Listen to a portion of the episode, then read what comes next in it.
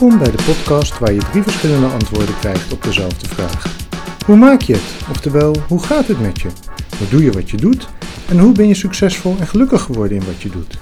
In deze aflevering Hans Wijnands, directeur van de Regenbooggroep. Goedemiddag Hans, hoe maak je het? Met mij gaat het heel goed. En de Regenbooggroep is een, uh, is een organisatie die vooral actief is in Amsterdam uh, voor de meest kwetsbaren uh, in, in de samenleving. Ehm, en wij hebben het, we hebben het best druk. we hebben ook een hele grote groep mensen die een beroep op ons doen. en nou ja, zoals het dan nu gaat, waren we eigenlijk net een beetje uit alles wat met corona te maken had. En dat, was, want dat was best een heftige periode, ook, ook voor onze doelgroep. Het is ons in die tijd overigens wel gelukt om ook steeds open te zijn en ook het fysieke contact nog steeds vol te kunnen houden. maar goed, zo eind februari was wel zo'n moment van, nou, we zijn bijna aan het eind en we kunnen bijna weer, zeg maar, naar de gewone, hè, de gewone manier van werken. Dus daar waren we ons ontzettend op aan het verheugen. En, uh, en ook dat er weer net ietsje meer rust zou komen. Uh, en 3 maart ehm, ja, kwamen de eerste Oekraïners richting Nederland. die natuurlijk gevlucht zijn uit een afschuwelijke situatie daar. Ehm, omdat de Russen daar zijn ingevallen. en is ons toen ook gevraagd van zouden jullie willen bijspringen en zouden jullie uh, mee willen helpen met het organiseren van opvang voor de vluchtelingen. Dus daar zijn we nu de afgelopen twee maanden ontzettend uh, druk mee geweest en, en mee bezig. Um, en, um, en dat heeft ook toch best wel impact op, uh, op de organisatie en ook wel op de, en natuurlijk ook op de medewerkers en de vrijwilligers en iedereen die daar uh, bij betrokken is en die mensen tegenkomt op die opvanglocaties. We hebben nu vijf, dus bijna 600 plekken verspreid in de stad. En we gaan daar in de komende anderhalve maand nog drie locaties bij organiseren. dus dat is best wel een enorme klus en een enorme opgave. Waarvan ik hoop dat die natuurlijk weer zo snel mogelijk is afgelopen en dat, er, dat mensen weer terug kunnen naar een veilig en uh, stabiel gebied. Um, dus nou ja, dat is, dat is wat ons nu op dit moment heel erg uh, bezighoudt en mij ook uh, heel erg bezighoudt. Uh, maar het gaat, het gaat goed. Ik ben eigenlijk een heel gelukkig man. Ik heb heel fijn en heel prettig werk en uh, mag werken voor een organisatie waar ik ook echt super trots op ben. Uh, niet alleen op, uh, op al die mooie medewerkers die zich met hart en ziel inzetten, maar ook op die enorme schare aan vrijwilligers die, die actief is binnen onze organisatie. wat ik echt nog steeds echt fantastisch vind dat mensen dat doen en dat ze zich belangeloos willen inzetten ook voor een groep mensen wat, die niet zo aaibaar zijn. Het gaat ook om mensen met verslavingsproblematiek, uh, chronische psychiatrische problematiek, uh, dakloos. Uh, dat is ook niet de groep mensen waarvan je nou, heel automatisch meteen een heel erg warm gevoel van krijgt. En um, ik vind het heel bijzonder dat er zoveel aardige Amsterdammers zijn die, ons, die ons daarmee helpen. dat vind ik heel bijzonder. Ehm, dus um, het gaat mij goed. Ja. Maar Hans, hoe maak je het? Hoe doe je wat je doet? Ik ben hier in, uh, in januari 2005 uh, begonnen bij de Regenbooggroep. Uh, daarvoor heb ik eigenlijk altijd in de, in de psychiatrie gewerkt. veelal ook op gesloten afdelingen, hè, dus echt in de klinische setting. en ik heb eigenlijk mijn hart uh, al van jongs af aan uh, verpand aan, uh, aan de psychiatrie. Ik ben geboren en getogen in, in Noordwijkerhout. en daar stonden twee grote psychiatrische ziekenhuizen. de BAVO en de Sancta Maria. één voor de mannen, één voor de vrouwen. En één op de zes Noordwijkerhouters woonde in een psychiatrisch ziekenhuis. Uh, dus dat, dat, dat zat ook echt in het hele dorp. Ik kan me ook uh, niet anders herinneren dat in mijn hele jeugd patiënten, zo noemden wij ze dan, hè, die, die, die waren op het schoolplein, die waren in de school, die waren in de supermarkten, die waren er gewoon altijd en overal. En ik vond dat buitengewoon intrigerend. Ook van hoe dat, hoe dat nou werkt. Hoe, dat werkt ook in, in, in de hoofden van, van mensen. Hoe ze denken, hoe ze naar de wereld kijken. En, um, dus daar zat altijd van het, af het eerste begin ook een hele sterke fascinatie. Uh, en daarna ben ik in de psychiatrie gaan werken. Uh, zoals ik al zei, veelal op gesloten afdelingen. Omdat ik dat ook, ja, dat vond ik zelf het leukst. Maar dat begon op een gegeven moment ook wel wat te knagen. Zo van ja, maar wat. Ik, al mensen, patiënten komen hier binnen en dan zijn ze hier maar heel kort en dan gaan ze weer naar buiten. En, maar wat gebeurt er dan buiten? En hoe ziet dat er dan uit? En hoe ziet dat leven dan eruit? En hoe houden mensen zich dan weer staande in die maatschappij? Um, en de regenbooggroep is een organisatie die heel erg met de voeten, uh, hè, met de voeten op de grond staat uh, in de maatschappij uh, en zich ook heel erg betrokken voelt, juist bij die, bij die groep. dus, dat, dus ik wilde heel graag hier aan de slag. en de regenboog was toen een kleine organisatie met maar 40 medewerkers en 150 vrijwilligers. En richtte zich eigenlijk vooral op mensen met verslavingsproblemen, drugsverslaving. Uh, en nou, sinds 2005 uh, ja, is de organisatie gegroeid. Er zijn allerlei kleinere organisaties die als een soort van standalone, kleine vrijwilligersorganisaties, zijn eigenlijk aangetakt aan, uh, aan de regenboog. en op die manier is de organisatie gegroeid. Uh, en met heel veel verschillende activiteiten. Maar een, een heel groot deel van, uh, van, de, van die regenbooggroep heeft een hele eigen historie. Uh, bestaan soms al uh, 40 jaar, hè, zijn 30 jaar zelfstandig geweest en toen bij de organisatie aangehaakt. En wat, wat daarin steeds eigenlijk de doelstelling is, is niet om dan een organisatie die, uh, die bij ons komt of die, die, die nou, wordt overgenomen, zou maar even zeggen. Om die dan te veranderen naar het model. Uh, er komt een uh, politieauto voorbij, dat gebeurt hier wel vaker. we zitten hier midden in de stad, vlak naast het Centraal Station. maar juist om die eigenheid van die verschillende onderdelen, om die juist te bewaren. Eh, want dat, daar zit ook de kracht. En je wil niet dat je er één mal van maakt, maar je wil juist die diversiteit en die kracht van, die, uh, van dat aanbod of die, uh, dat organisatieonderdeel, dat is juist mooi en dat is bijzonder dat dat ook zijn eigenheid behoudt.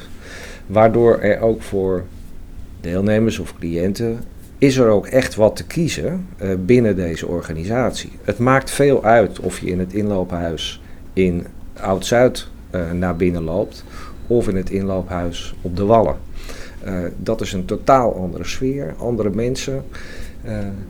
maar dan is er dus ook wel wat te kiezen. Mensen voelen zich op de ene plek heel erg thuis en op de andere plek helemaal niet.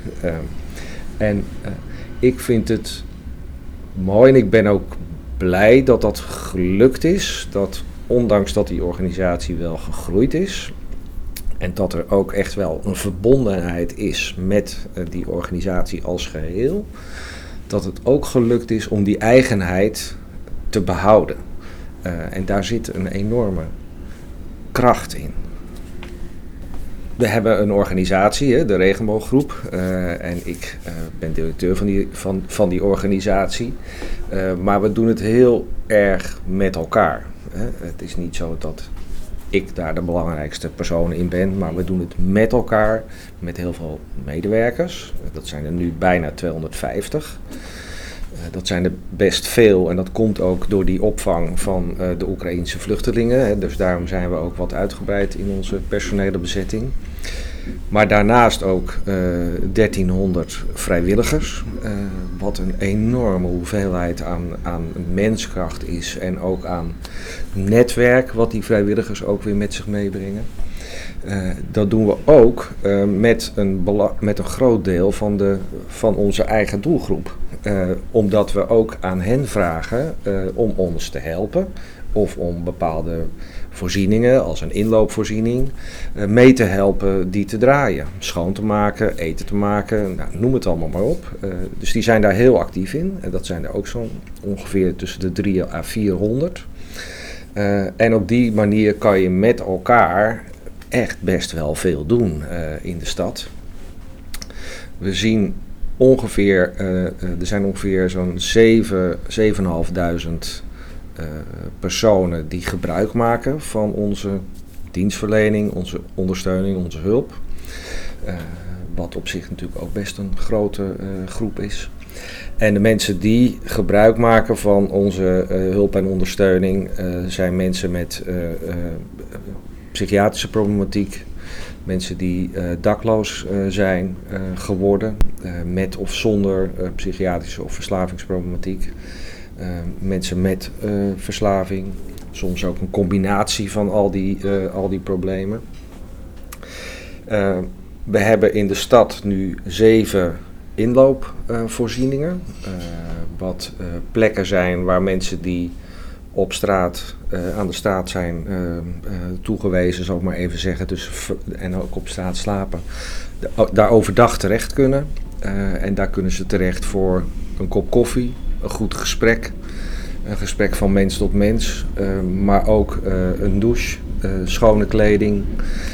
Een warme maaltijd, maar ook daar is hulpverlening aanwezig om te kijken van kunnen mensen geholpen worden, hè, wat meer structureel of eh, richting wellicht huisvesting of intensievere hulpverlening. En wat, er, wat heel mooi is aan die, aan die inloophuizen, is dat dat, dat dat echt een gezamenlijk project is. Zowel de bezoekers die daar komen, hebben, dragen bij. Hè, want die warme maaltijden die worden niet gemaakt door de vrijwilligers en ook niet door de medewerkers, maar door de bezoekers zelf. Die fantastisch kunnen koken overigens. Uh, en dat is echt iets van, uh, van, van, van iedereen. Uh, en juist doordat die plekken er zijn in de stad, mensen zich kunnen verzorgen. Hè? Je weer gewoon even scheren, schone kleding aan, lekker fris gedoucht. Daardoor zie je eigenlijk in Amsterdam heel weinig mensen die heel sterk verwaarloosd zijn. Hè? Omdat die plekken er zijn waar je weer eventjes, uh, nou ja, jezelf kan worden en weer even, uh, nou echt weer uh, ja, een menswaardig bestaan. Hè. Ik bedoel, dat is toch voor ons een belangrijke doelstelling en streven. Er komen natuurlijk ook heel veel mensen die, die komen niet uit Amsterdam. Niet van oorsprong, maar komen uit andere delen van het land, maar trekken naar de grote stad op het moment dat ze dakloos worden. Maar ook vanuit uh, andere Europese landen. Vanuit België, Engeland, uh, Bulgarije, Polen, noem het maar op. Ook mensen die vaak al, waar het vaak al niet goed mee ging in het land van herkomst, gaan dan ja, zwerven door Europa en komen natuurlijk toch in de grote steden terecht. En wij helpen eigenlijk mensen ook weer terug uh, om weer terug te gaan naar het land van herkomst, weer uh, uh, zich te verbinden en te verenigen met familie of met vrienden. en dat doen we gemiddeld eentje per dag. dus iedere dag brengen we iemand gemiddeld terug naar dat land van herkomst de familie of de vrienden zijn ook vaak heel blij uh, dat iemand, want die zijn soms gewoon, die zijn gewoon het contact verloren. Zijn, zijn soms mensen gewoon echt een jaar of langer kwijt uh, geweest. nou ja, ik denk dat dat, dat is in ieder geval heel behulpzaam voor mensen zelf, omdat ze soms ook in het land van herkomst betere kansen hebben en ook betere hulpverlening kunnen krijgen dan dat ze hier in Nederland kunnen krijgen, omdat ze daar gewoon geen recht op hebben. Naast de inloophuizen en naast die groep uh, helpen die, uh, die op straat verblijft, uh, bieden we ook ondersteuning voor mensen die thuis wonen, hè, dus die gewoon een woning hebben hier in Amsterdam, maar kampen met hele ernstige psychiatrische problematiek, waardoor ze een heel klein uh, of heel beperkt sociaal netwerk hebben. Mensen met verslavingsproblemen, eenzaamheidsproblematiek. Dat noemen we maatjesprojecten, buddyprojecten. Uh, en die zijn er eigenlijk op gericht om mensen te helpen of te ondersteunen om een nieuwe stap te maken in hun ontwikkeling. Dus dat kan, dat kan van alles zijn. Dat kan uh, zijn dat je gaat werken aan, uh, uh, aan je verslavingsprobleem of aan het schuldenprobleem. Maar het kan ook zijn dat je weer contact op gaat nemen met familie of vrienden. Maar dat je het heel lastig vindt om dat zelf te doen of dat alleen te doen. Ehm, en zo'n maatje of buddy kan je daarbij helpen. Het kan ook uh, zijn dat mensen het heel lastig vinden om hulpverlening goed uh, vol te houden, omdat ze het heel lastig vinden om op tijd op een afspraak te zijn of de gemaakte afspraken uh, ook na te komen. en die vrijwilligers helpen ook om en ondersteunen de, de deelnemers, zo noemen wij ze. Um, om wel op die afspraak te komen. Of misschien ook eens mee te gaan naar die afspraken. Want als je een heel slecht nieuwsgesprek uh, hebt, ja, dan, versta, dan, ja, dan sta je buiten en denk je, wat, wat, wat is hier nou eigenlijk gezegd? Wat hebben we, wat, wat hebben we nou eigenlijk afgesproken? Um, en dat is echt buitengewoon behulpzaam. Um, en het mooie is dat die vrijwilligers die actief zijn en ons helpen, uh, die komen echt uit alle lagen uh, van, uh, van de samenleving. en uit alle verschillende beroepsgroepen vanuit Amsterdam. en met allerlei verschillende achtergronden. wat echt heel mooi is, dat, ja, dat we dat kunnen doen. En als je kijkt uh, dus je denkt van ja, maar waarom doen jullie dat niet gewoon met, uh, met, met professionals? Waarom doe je dat niet met betaalde krachten? Dan, uh, dan gaat dat niet alleen maar over geld, maar het gaat ook over dat een vrijwilliger die, die doet iets anders. Die brengt iets anders mee. Die brengt namelijk zijn eigen, eh, vanuit zijn eigen intrinsieke motivatie om iemand een stapje verder te helpen. Echt van mens tot mens. Uh, en dat is toch anders dan dat het een professional is. En je kan ook veel meer tijd insteken. En wat uh, daarnaast ook nog heel belangrijk is, en dat is wel een soort van idealisme, is het ook dat je op die manier zeg maar werelden met elkaar verbindt. Hè? Dus mensen die hoog op de maatschappelijke ladder staan, kunnen een tijdje buiten hun eigen bubbel meekijken en meelopen in het leven van iemand die Um, ja, die het heel moeilijk heeft, die heel veel dingen niet heeft en ook heel veel beperkingen heeft. Uh, en juist door dat uh, te zien uh, bij die ander, zonder er boven te staan, maar echt als gelijkwaardig. Um, ja, ik denk dat dat helpt in de verbinding in de stad. en dat, dat, um, dat je op die manier met elkaar ook begrip krijgt en een mooiere stad maakt. Um, en ik vind het heel mooi dat, je, ja, dat we als organisatie ook die verbinding kunnen faciliteren. En die connectie kunnen maken tussen uh, mensen die het heel moeilijk hebben en mensen die het nou, voor de wind gaat, zou ik maar even zeggen. En als laatste Hans, hoe maak je het? Hoe ben je succesvol en gelukkig geworden in wat je doet? Gelukkig, ja. Ik ben, uh, ik ben gelukkig. Uh, en ik ben ook heel blij met het succes uh, van de organisatie. en dat wij met elkaar, want ik vind dat niet per se een verdienste van mezelf, maar ik vind dat echt een verdienste van, van, van, van al die medewerkers, al die vrijwilligers, maar ook al die bezoekers en deelnemers. Want die zijn, maken net zo goed onderdeel uit van, van de organisatie. Uh, dat het gelukt is om nou, zo uh, verscheiden of pluriform te zijn uh, en een heel rijk aanbod te hebben voor mensen die nou, met ernstige problematiek kampen, wat niet per se direct overgaat. Het is voor veel mensen ook iets waar ze de rest van hun leven mee moeten leren omgaan, mee moeten leren dienen.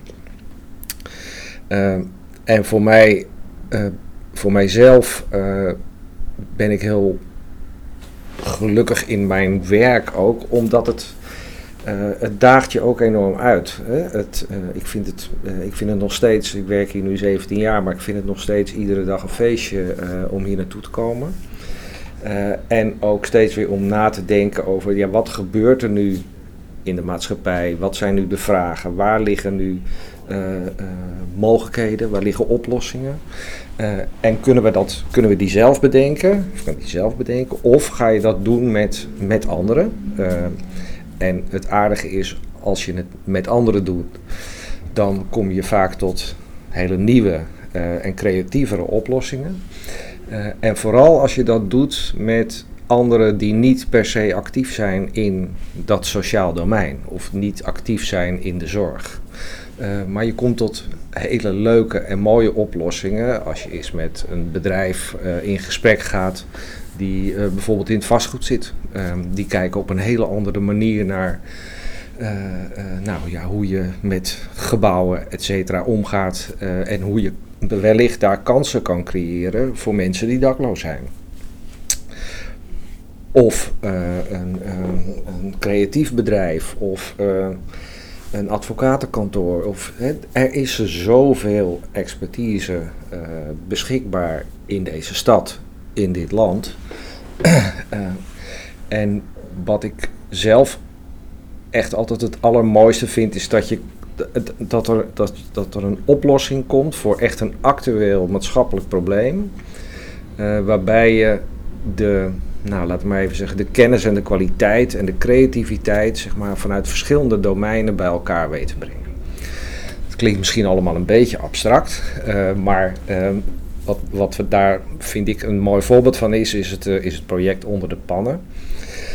Daarbij uh, worden mensen geplaatst bij mensen thuis die een kamer over hebben. Voor een jaar.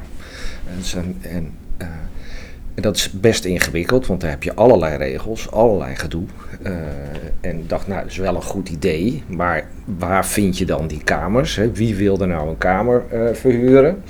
Want ja, je hebt Airbnb, je hebt uh, studenten, je hebt van alles en nog wat. Dus daar, daar kan je nooit tegenop uh, concurreren. Maar in de sociaal, als je een sociale huurwoning hebt, dan mag dat niet. Dan mag je geen kamer verhuren. Dus omdat dat daar niet mag, ligt daar dus een enorme kans. Hè, als je dat voor elkaar krijgt dat het daar wel mag, ja, dan ontsluit je eigenlijk een hele nieuwe markt. Maar dan zit je natuurlijk nog wel met de kostendelersnorm. Hè, want dat gaat dan, hè, want er wordt huur betaald, dus moeten mensen uh, worden gekort op hun, uh, uh, hoe heet dat, huurtoeslag, zorgtoeslag, noem het allemaal maar op. Um, stel je voor iemand heeft schulden, schrijft zich in op dat adres en daar komt de deurwaarde, die haalt je huis leeg. Nou, heeft allemaal ontzettend lang geduurd voordat we daar echt een heel goede oplossing voor hadden gevonden. Maar juist ook met samenwerking met advocaten, met woningbouwcorporaties en met andere slimme mensen. waardoor we nu een construct hebben waarbij je niet wordt gekort. Ehm, waarbij die kostendelersnorm niet van toepassing is en de afspraken gemaakt met de Belastingdienst, met uitkeringsinstanties, met de gemeente, met de deurwaarders, met nou, de duvel en zijn oude moer, waardoor het nu kan. En, uh, en het is een fantastische oplossing. Uh, het is een hele goedkope oplossing ook, uh, maar het is ook een hele mooie oplossing, omdat er ook winst zit voor de verhuurder. niet alleen dat je financieel wat, wat extra's krijgt, maar ook dat er iemand bij jou in huis is. Want je hebt een te groot huis, alleen. Het kunnen ook ouderen zijn die het heel fijn vinden als er weer iemand in de omgeving is. Of die zijn klusje doet of eens helpt. Maar het kan ook zijn dat je zelf plotseling opeens uh, een schuld hebt. Uh, laten we zeggen van 1000 euro. door een ingewikkeld eenmalig ding. En wat wij dan doen, hè, als iemand dan zegt van nou, ik, ga, ik wil wel een kamer verhuren, dan betalen wij die schuld in één keer af. Zo dan is die last weg. En de verhuurder die gaat gewoon, die betaalt huur. En daardoor lossen mensen ook weer die schuld in. En dan heb je een hele mooie win-win uh, situatie. Um, nou, en da daar krijg ik ongelooflijk veel energie van. Als je, als, als je dat soort oplossingen weet te bedenken, eigenlijk uh, zeg maar uh, om woonruimte te creëren op bestaande vierkante meters die niet toegankelijk waren, om die dan wel toegankelijk te krijgen. Ja, dat is echt dat is een feestje. dus daar word, ik, daar word ik heel blij van. En dat is wel, um, denk ik, daar zit ook zeg maar de kracht, en daar krijg ik zelf dus ook het meeste energie van, om steeds te zoeken naar creatieve oplossingen, aan te sluiten op, op ja, de, de mogelijkheden en de potenties die er liggen bij de hulpvrager en, en bij die hulpgever. En dat dat niet per se altijd een professional of een zorg of een hulpverlener hoeft te zijn. maar dat het dan veel meer gaat over van hoe zorg je ervoor en hoe ondersteun je mensen op een zodanige manier dat zij dat met elkaar kunnen doen. Net zo goed als dat die vrijwilliger dat kan met die deelnemer. um, dus nou, daar ligt, uh, uh, en daar ligt nog heel veel werk. Uh, zeker voor de nieuwe groep economisch daklozen, zoals wij ze dan noemen. Dat zijn de mensen die op straat komen en niet, een niet ten gevolge van een psychiatrisch probleem, verslavingsprobleem, maar puur gewoon geen huis. En wel een baan of wel een studie, maar gewoon geen huis. Twintig mensen per week, nieuw. Uh, die zich hier melden. Dus dat, is echt, dat, is, dat zijn enorme aantallen. Uh, en daar, uh, ja, daar wil ik met de komende jaren nog steeds heel hard voor gaan maken. En met heel veel energie en samen met anderen te zoeken naar een structurele oplossing. Althans, structureel, laten we zeggen, voor de komende 15 jaar. om de periode te overbruggen tussen de wooncrisis waar we nu in zitten en het structurele probleem, wat eigenlijk pas over 10 à 15 jaar echt is opgelost. En dat was het alweer voor deze aflevering van Hoe Maak je het? Benieuwd wie mijn volgende gast is? Volg Hoe Maak je het op Instagram of op je favoriete podcastplatform en blijf op de hoogte.